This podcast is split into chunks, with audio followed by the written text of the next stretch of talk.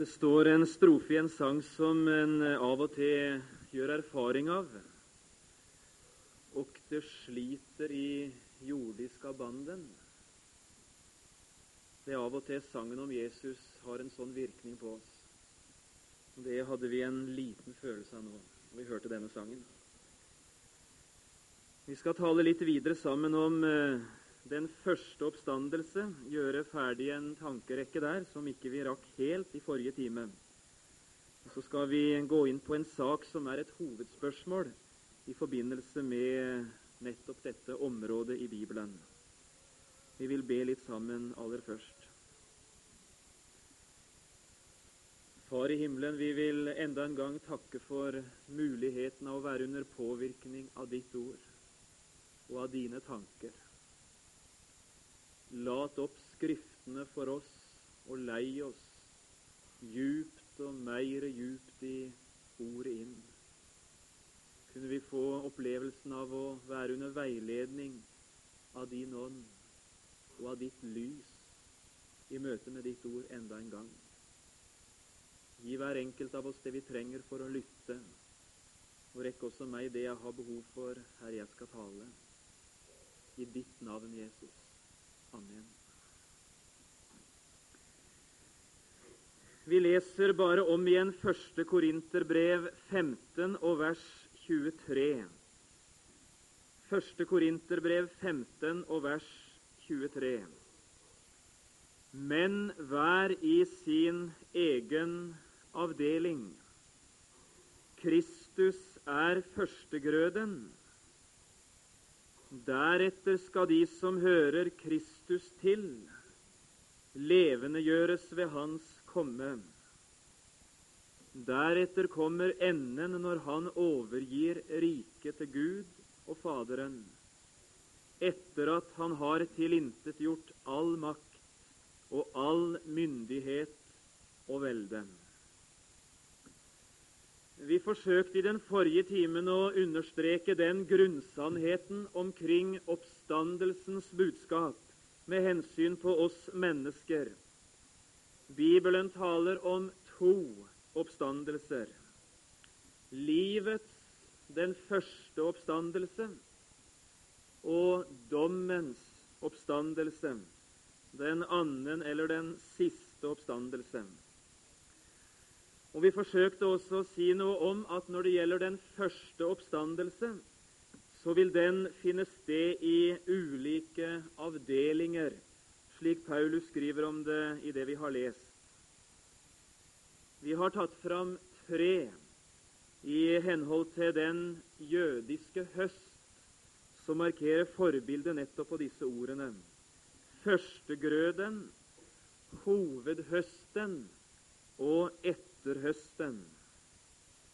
Og vi har talt det som eh, jeg føler jeg har å si om eh, førstegrøden. Kristus er førstegrøden. Hovedhøsten skriver han om fortsatt. Deretter skal de som hører Kristus til, levendegjøres ved Hans komme. Når Jesus som brudgom kommer til lufthimmelen og henter sin brud, hentes hovedhøsten inn av døde i Kristus som oppstår, og levende troende som opplever forvandlingens øyeblikk.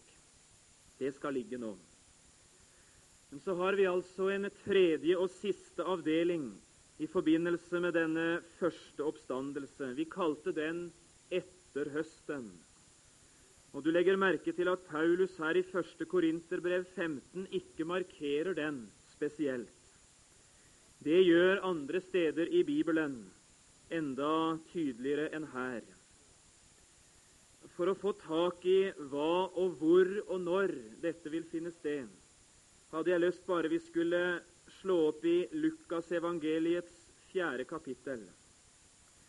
Her er Jesus i hjembyen i Nasaret, hvor han sjøl var oppfostra. Og han er gått inn i synagogen og får Esaias-boken, fortelles det, og blir bedt om å stå opp og lese. Lukas 4, 17. Og de gav ham profeten Esaias' bok, Og da han slo boken opp, fant han det sted hvor det var skrevet. Og Så leser han om eh, hans egen gjerning som eh, forkynner av evangeliet på forskjellige vis. Og Så står det i vers 19.: For å forkynne et velbehagelig år ifra Herren. Og så står det om Jesus noe bemerkelsesverdig. Og han lukket boken. Og etter å ha satt seg, så begynner han å si i dag er dette Skriftens ord. I dag er dette Skriftens ord oppfylt for deres ører. Det bemerkelsesverdige er at Jesus, som leser fra Esaias 61, stanser midt i en setning. For hadde vi lest Esaias 61 fra begynnelsen i sammenheng, ville vi ha sett at her står mye mer i sammenhengen der Jesus begynte å lese fra.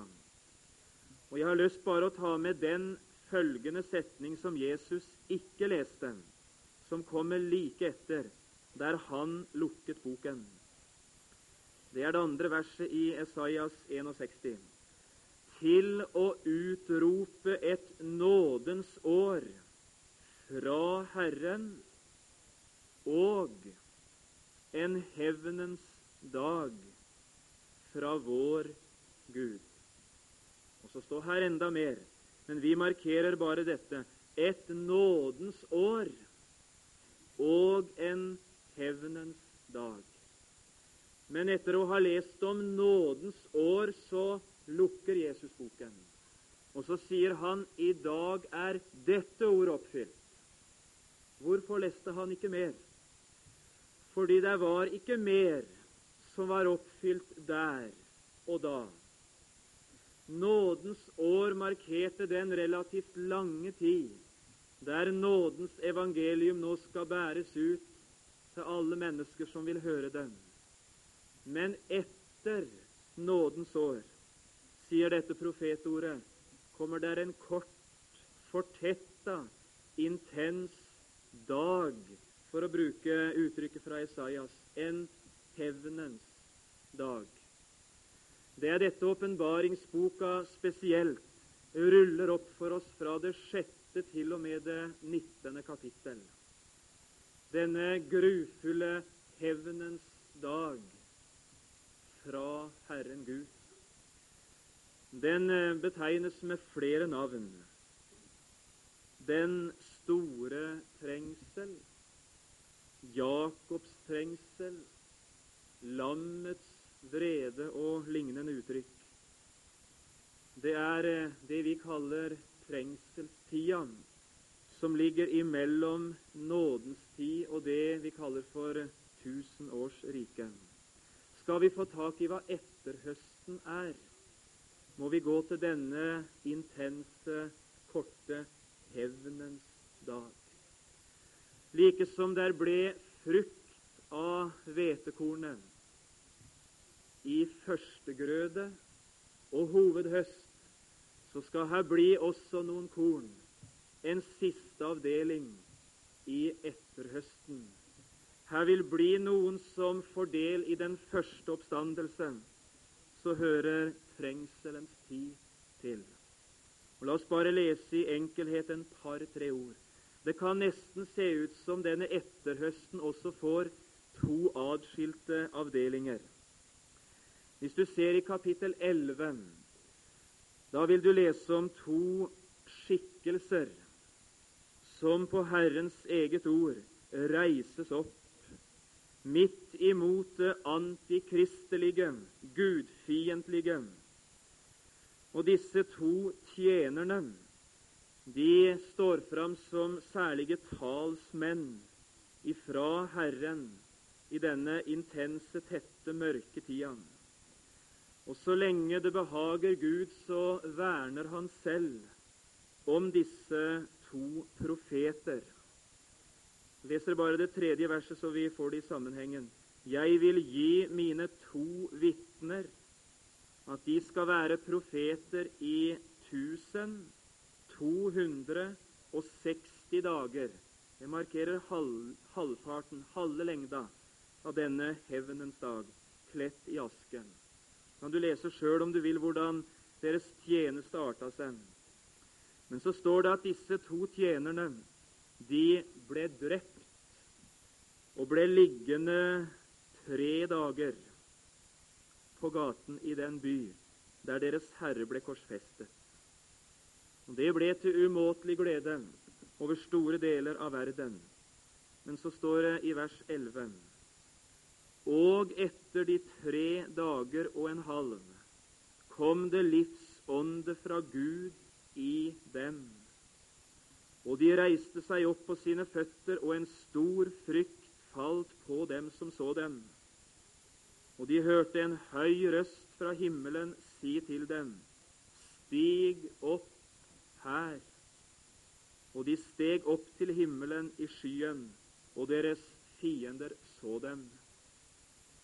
Uten å gå noe mer inn på hvem de er og hva funksjon de hadde, så opptas disse to, Herrens profeter, i en særlig bortrykkelse til himmelen.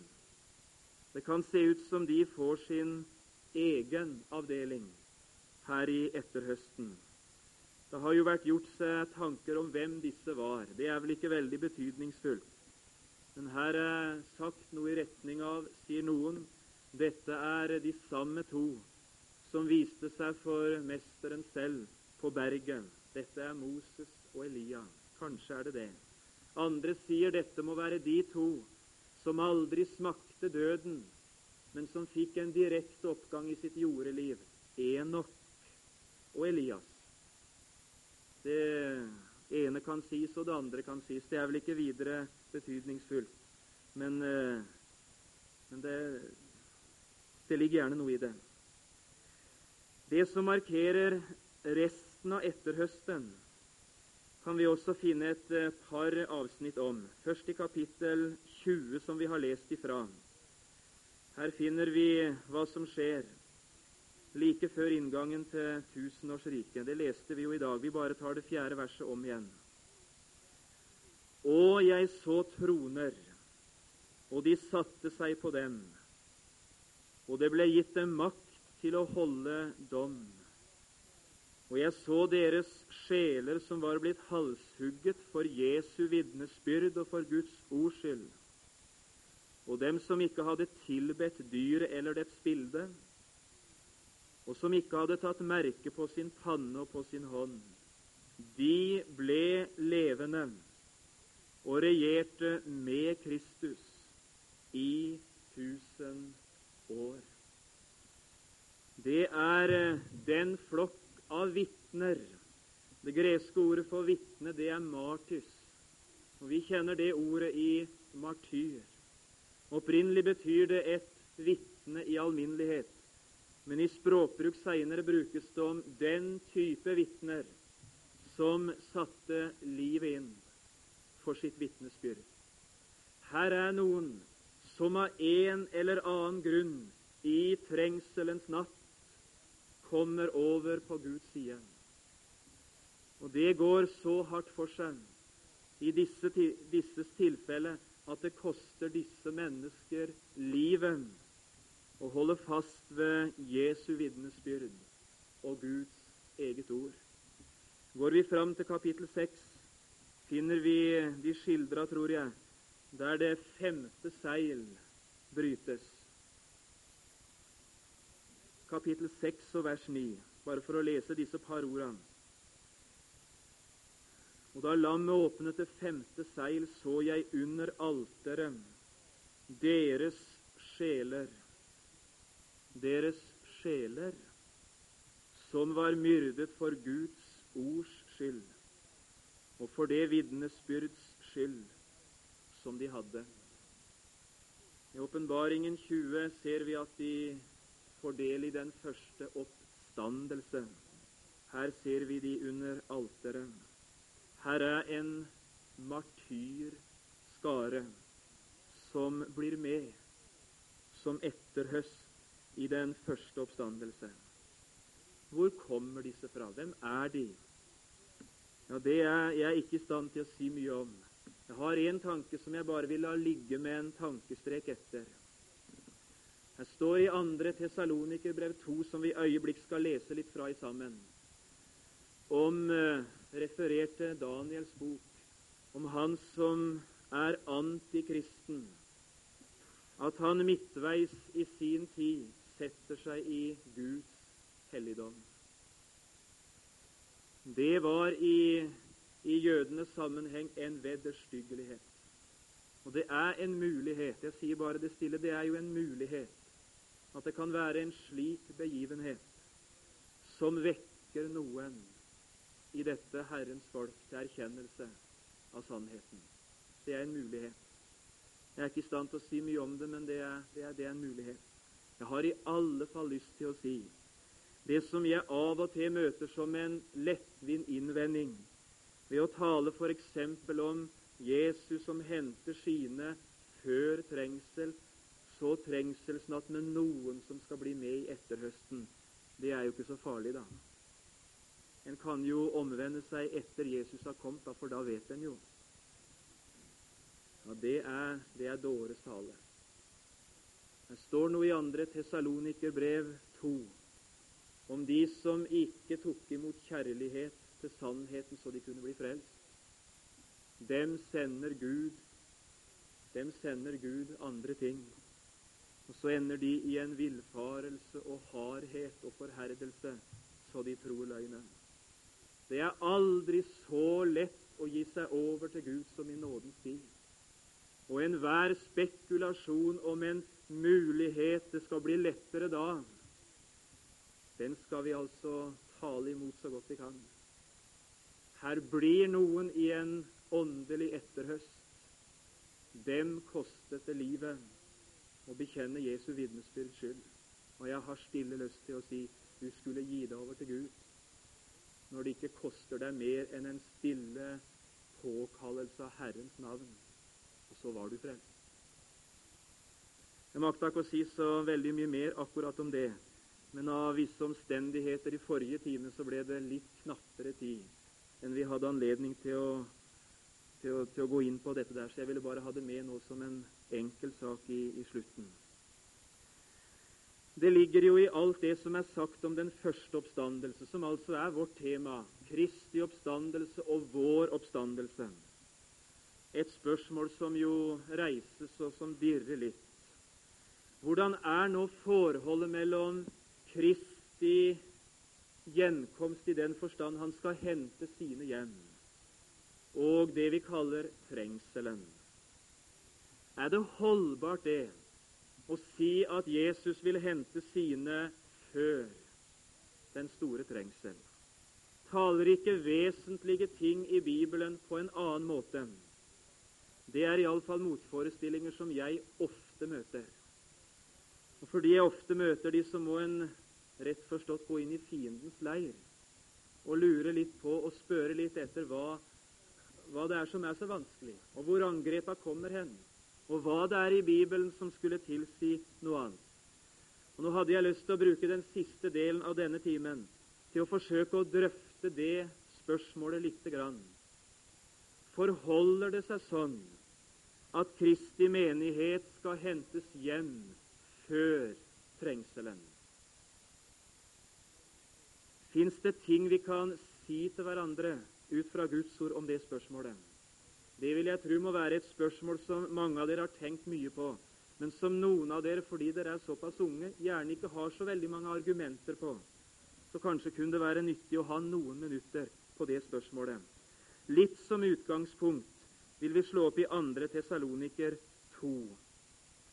Og Så vil vi lese sammen noen vers i sammenheng der. Jeg skal gå inn på noen andre ting litt før vi kommenterer det, men jeg syns det var fint å lese det litt sammen. For her har vi både, både menighetens møte med Jesus og trengselssituasjonen og antikrist med i samme sammenhengen. Vi vil lese noen vers fra begynnelsen, og du leser med i Bibelen, så, så bare tar vi det litt i sammenheng.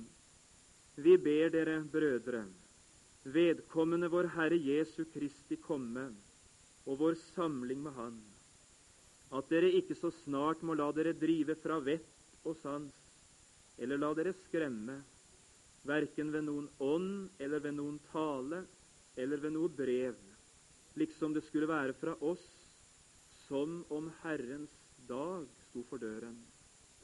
La ingen dåre dere på noen måte, for først må frafallet komme, og syndens menneske åpenbares, fortapelsens sønn, han som står imot og opphøyer seg over alt som kalles Gud eller helligdom, så han setter seg i Guds tempel og gir seg selv ut for å være Gud.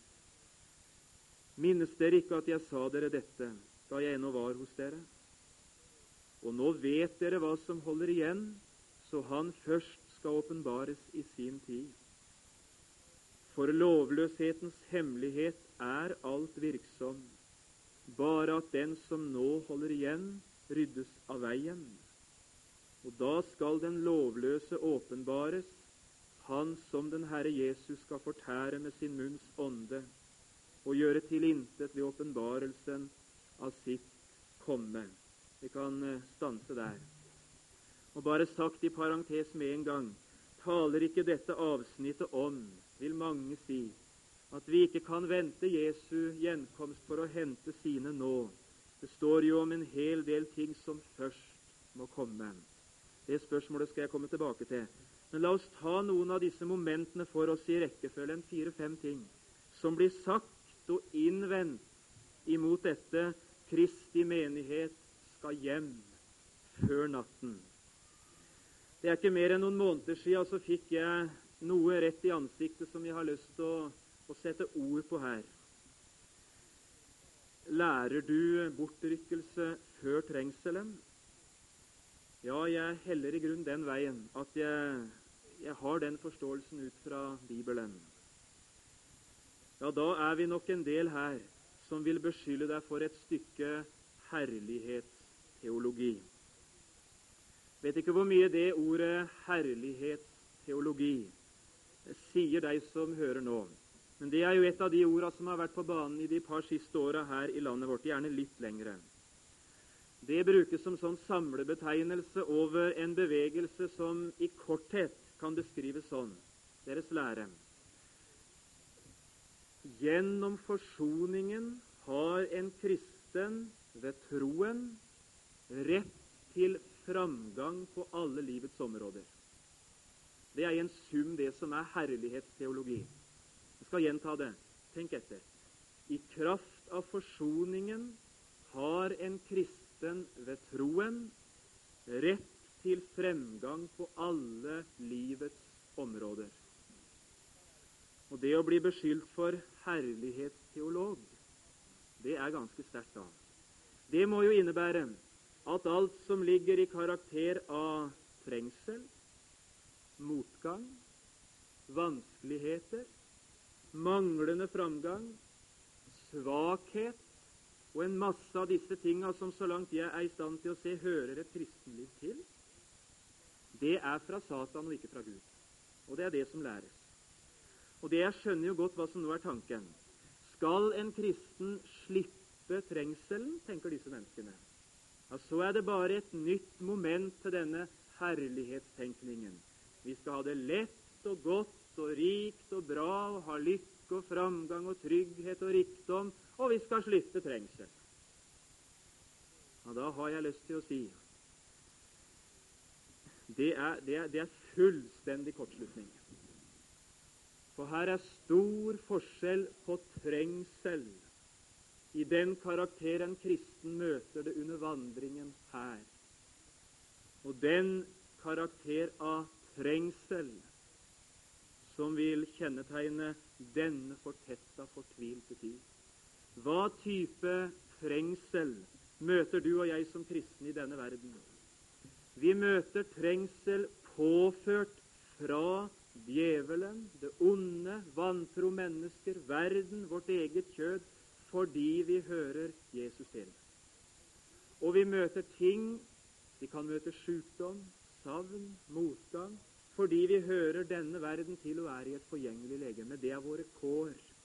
Og jeg har jammen lyst til å si dette fritas ingen kristen fra. Av og til så kler Gud velsignelser i trengsels kledebånd. Jammen gjør han det. Av og til så åpenbarer han herlighet i lidelse, i smerte og i savn.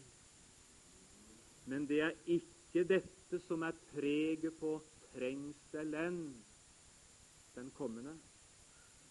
Her er landets vrede. Her er dommen med hensyn på, en verden som ikke vil ha med han å gjøre, grunntrekket. Det er annerledes. I sin trengsel ropte de til Herren, står det om de som levde med Gud og opplevde nøden, og himmelen lyttet. I trengselen ropte de til fjellene, skjul oss for Guds, for landets vrede. Hva himmelen stengt, ser du. Det er forskjellen. Skal en kristen gjennom trengsel? Ja, det skal han. Skal han gjennom den store trengsel med en slik karakter? Jeg tror ikke. Det andre som eh, kan møtes som argument, det er konkrete bibelord ifra Det gamle testamentet og ifra evangelier og Jesu egen munn. Jeg skal ikke bruke noen eksempler fra Det gamle testamentet. Jeg skal ta et par eksempler fra Jesu munn. Men la oss bare, før vi tar de eksemplene, si det er veldig om å gjøre å være klar over at Bibelen regner med tre slags mennesker, eller tre slags folk. Første Korinterbrev 10, 32 er jo hovedordet som mange her sitter helt grunnfesta og gått fast i. 1. Korinterbrev 10, 32. Vær uten anstøt både for jøder og for grekere, altså hedninger, og for Guds menighet. Og så skal du merke deg det her kan ikke vi gå inn på i sin bredde, for da flyr tida fra oss. Men hemmeligheten om dette tredje folk, Guds menighet, gjør Paulus oss klar over er ikke forkynt i dagslys før ved Han. Jesus gir en liten sånn pekepinn framover og sier på denne klippe vil jeg bygge min menighet. Men han sier ikke 'har bygget' eller 'bygger'. Han peker fram og sier 'jeg vil bygge'. Og Det som er kjennetegna og fellestrekka på de mange motforestillinger der det henvises til Det gamle testamentet og Jesus ord, det er at en leser ord med hensyn på menigheten, som er talt til jøder. Og Derfor får en altså på en måte problem. La oss ta det mest siterte ordet for å gå rett inn i sentrum. Det er ordene fra Matteus 24. Der står det noe akkurat om denne tida, ganske bredt, som skal komme. Eh, Matteus 24, litt ut i denne første delen av Jesu endetidstale. Her står det om, eh, om et tid som skal komme. Du kan lese om det fra vers 15 om ødeleggelsens vederstyggelighet, som Daniel har talt om, og så utover om en hel del ting som, eh, som skal skje. Og så vil du se, om du ser ned i vers 21 Da skal det være så stor en trengsel som ikke har vært fra verdens begynnelse inntil nå, og heller ikke skal bli. Og ble ikke de dager forkortet, da ble intet kjød frelst. Men for de utvalgtes skyld skal de dager bli forkortet. Ja, er motforestillingen med en gang. For at de utvalgte ikke skal føres vill, blir dagene forkortet. Og Det må jo bety at de utvalgte, de er her. For hadde de ikke vært her, så hadde det jo ikke vært behov å forkorte. Om de hadde vært vekk, så hadde det jo ikke vært problem. Det må være et håndfast bevis på at menigheten skal igjennom denne trengselen. Den blir jo endog forkortet med tanke på den. Ut ifra det vi bare toucha i stad, så er ikke det så veldig vanskelig å imøtegå det. Hvem er de utvalgte i Johannes 24? Nei, unnskyld, i Matteus 24. Det er jøder som går til Jesus, ser du i begynnelsen. De spør om eh, når dette skal skje, altså tempelets ødeleggelse. De spør om hva tegnet skal være på hans komme, nemlig karakter av menneskesønn. Og de spør han om verdens ende. Jøder spør, og jøder forsvarer. De utvalgte, og det Jesus taler om, det er ikke Kristi menighet i nådens tid. Men det er det folk som han på det tidspunkt arbeidet midt iblant. Det er klart det får konsekvenser for lesningen av evangeliene. Det får konsekvenser for hvordan vi skal lese om Noas dager om menneskesønnens dager. Bla litt fram til vers 37 i det samme kapitlet. Og ikke la meg bli misforstått akkurat på dette her punktet. Det er klart vi kan anvende dette avsnittet om Noas dager og menneskesønnens dager, at vi kan anvende det som en illustrasjon på det skillet som vil finne sted når Jesus henter sine. Vi kan anvende på det, men det er spørsmål om det er det det er talt om. La oss lese det litt i sammenheng. 37. Og som Noas dager var, således skal menneskesønnens menneskesønnens komme være. Og menneskesønnen leste vi om i Johannes 5, 27.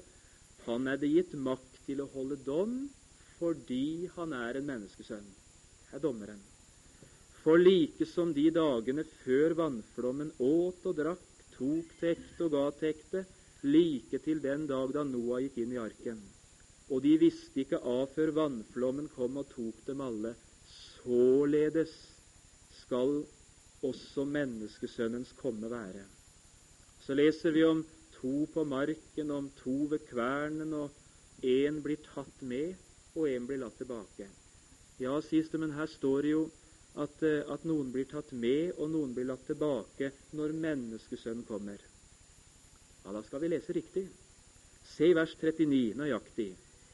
De visste ikke av før vannflommen kom og tok dem alle. De som ble tatt med, de ble tatt med av vannflommen til dom. Og de som ble latt tilbake, var åtte stykker og ble frelst igjennom i en ark.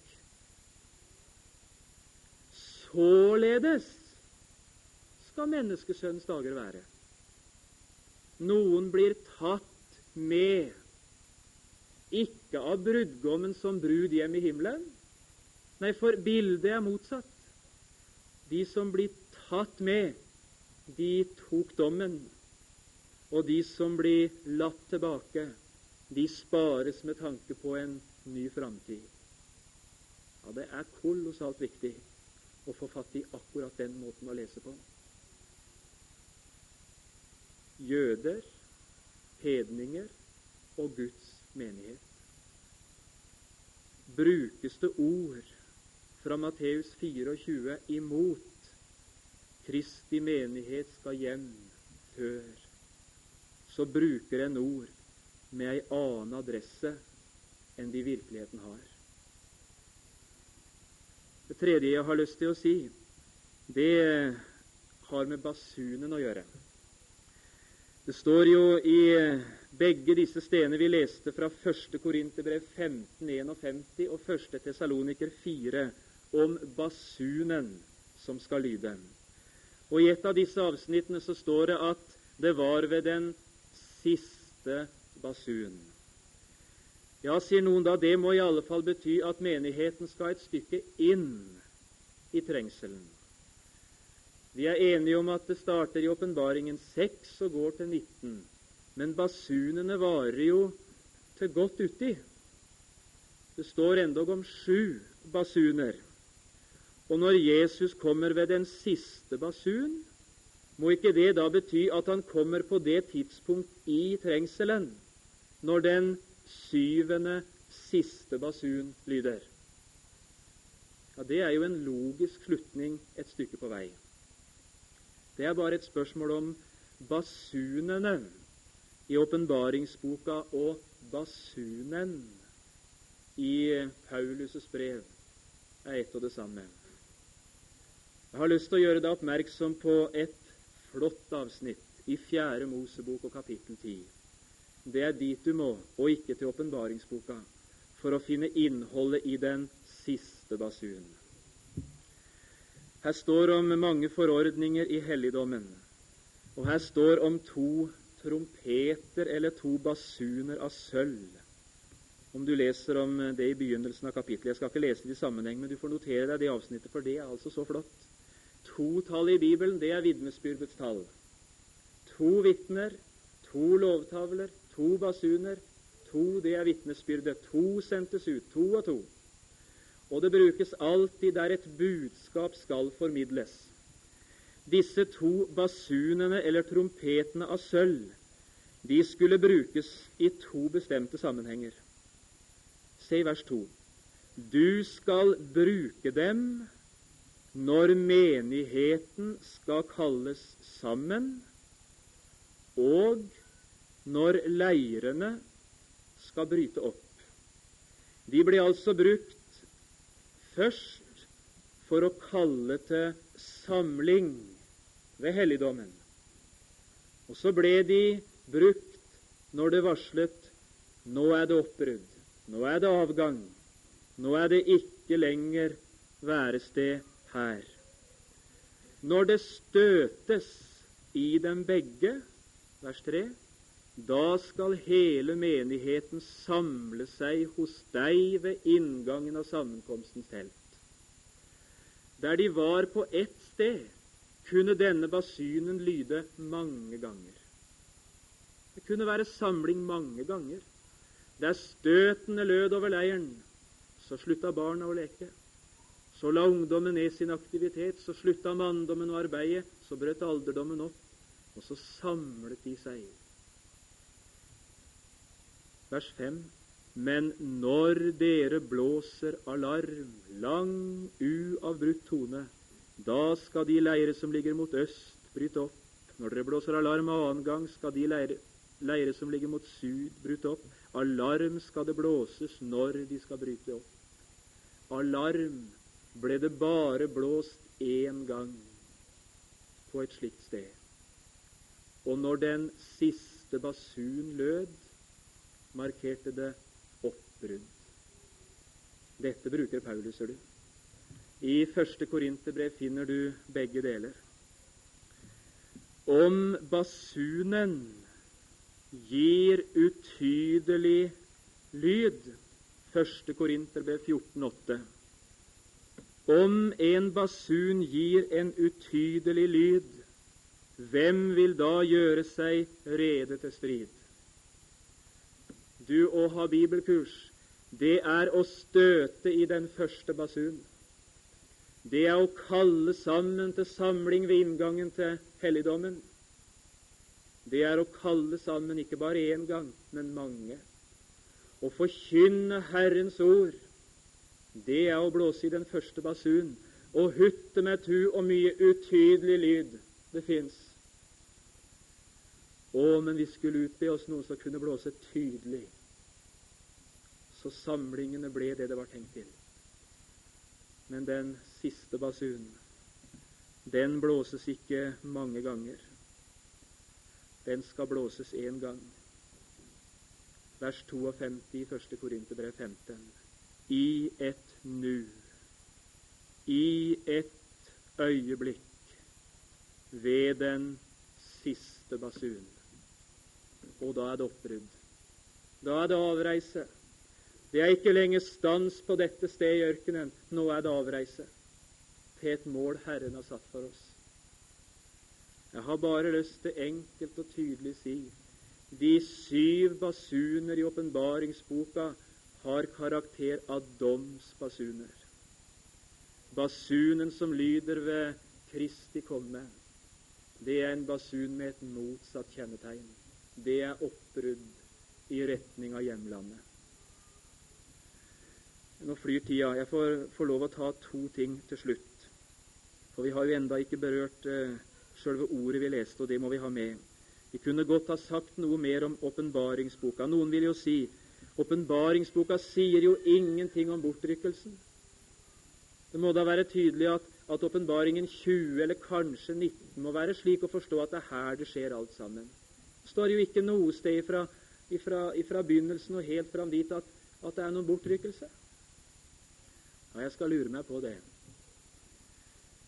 I kapittel 4 og i begynnelsen, bare for å ta det som en kort parentes, så møter Johannes en røst like sånn av en basun. Og den røsten sier til han, Stig opp her. Og gjennom en dør åpnet i himmelen så fikk han se inn i noe. Han fikk se en trone, en som satt på tronen, Herren. Han fikk se mange ting, men han fikk se 24 eldste sitte omkring tronen. Hvite klær, gullkroner på sine hoder. Og av disse 24 eldste, som er det første Johannes blir oppmerksom på når framtidsrullen åpnes, det som heretter skal skje, det er denne skaren som synger i kapittel 5 og vers 9. Og hør denne sangen. Verdig er du til å ta boken og åpne seilene på den, fordi du ble slaktet og med ditt blod kjøpte oss til Gud av hver stamme og tunge og folk og ett, og gjorde dem til et kongerike og til prester for vår Gud, og de skal være konger på jorden.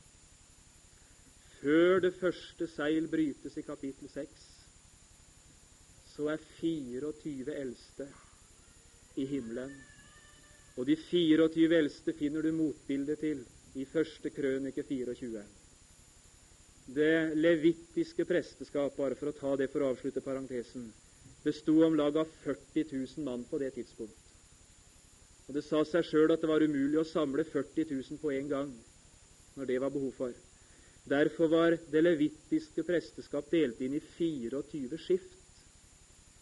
Og hvert skift av de 24 hadde vært sitt overhode. Så når de 24 eldste i presteskapet satt sammen med ypperstepresten, så var hele presteskapet representert i de 24. Og så ser han 24 eldste og hører en herlig sang. De er i herligheten allerede når seilet brytes presteskapet. Guds presteskap. Det har vi hørt om i dag.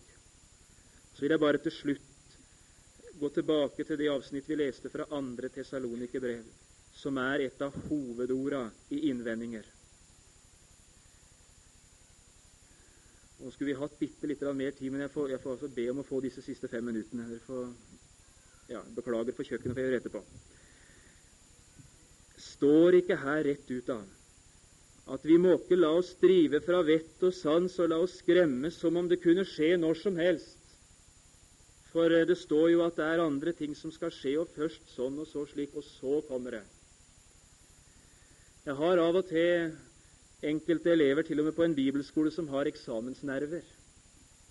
Og Da hender jeg av og til sier til dem du må nok ikke la deg skremme og drive fra vettet med tanke på eksamen som om det var dommedag som sto for døra. Altså, du må, ikke, du må ikke tenke på det ene som om det var noe helt annet det dreide seg om. La deg ikke drive fra vettet med tanke på en filleeksamen som om det var dommedag. Det er jo, ikke, det er jo, det er jo eksamen. Hør nå. Vedkommende, vers 1, vår Herre Jesu Kristi komme og vår samling med Han. Det er det vi taler om her bortrykkelsen. At dere ikke så snart må la dere drive fra vett og sans, eller la dere skremme verken ved noen ånd eller ved noen tale eller ved noe brev, liksom det skulle være fra oss, som om Herrens dag skulle stå for døren. For det var det de hadde hørt. Herrens dag, det er hevnens dag.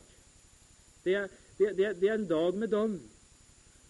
Trøst av hverandre med disse ord var budskapet til dette vår Herre Jesu Kristi komme over samling med ham. Det, det var trøstende ord, det. Men Herrens dag og disse ting, det er skremmende ord. Vedrørende dette må du ikke, du må ikke, må ikke bli vippet av pinnen som om det var det som skulle skje. Og alt som nå står først må skje, rettes til den Herrens dag som er skremmende. Den kommer ikke før Og så kommer tinga.